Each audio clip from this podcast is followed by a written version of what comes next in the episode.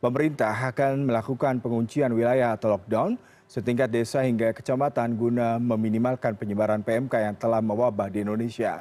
Menteri Pertanian Sarul Yahasim Limpo mengatakan untuk wilayah yang ditemukan penyakit PMK ditetapkan sebagai zona merah PMK di wilayah setingkat desa hingga kecamatan. Menurutnya, hingga kini wabah penyakit mulut dan kuku atau PMK telah menginfeksi 180 ribu ekor sapi di sejumlah wilayah di Indonesia. Jumlah itu kurang dari satu persen dari total populasi sapi di Indonesia yang mencapai 18 juta ekor. Setidaknya sudah ada 19 provinsi dengan 169 kabupaten dan kota yang melaporkan adanya kasus PMK. Pemerintah telah melakukan sejumlah upaya untuk menanggulangi wabah ini, salah satunya dengan mendatangkan 3 juta vaksin PMK.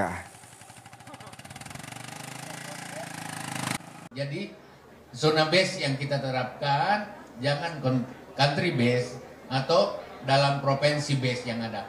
Sekarang kita akan tetapkan memang ada PMK, tapi zonenya adalah kecamatan dan desa. Jadi misalnya Buleleng, contoh aja Pak, Buleleng. Cuma di sini kecamatan apa, desa apa.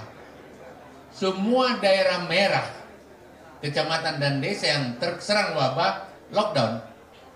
Tidak boleh ada mutasi hewan hidup dari sana, kecuali sudah dipotong. Dan itu berlaku.